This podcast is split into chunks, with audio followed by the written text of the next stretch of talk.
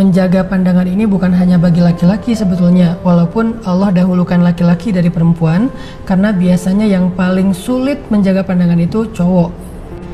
Tetapi juga perempuan disuruh menundukkan pandangan, karena itu bisa menjadi penggugur pahala ibadah.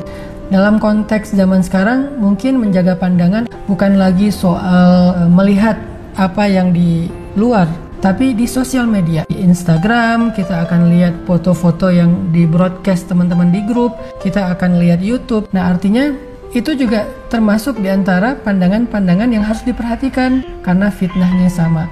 Ternyata menjaga pandangan itu juga bisa membersihkan hati, bisa membersihkan jiwa.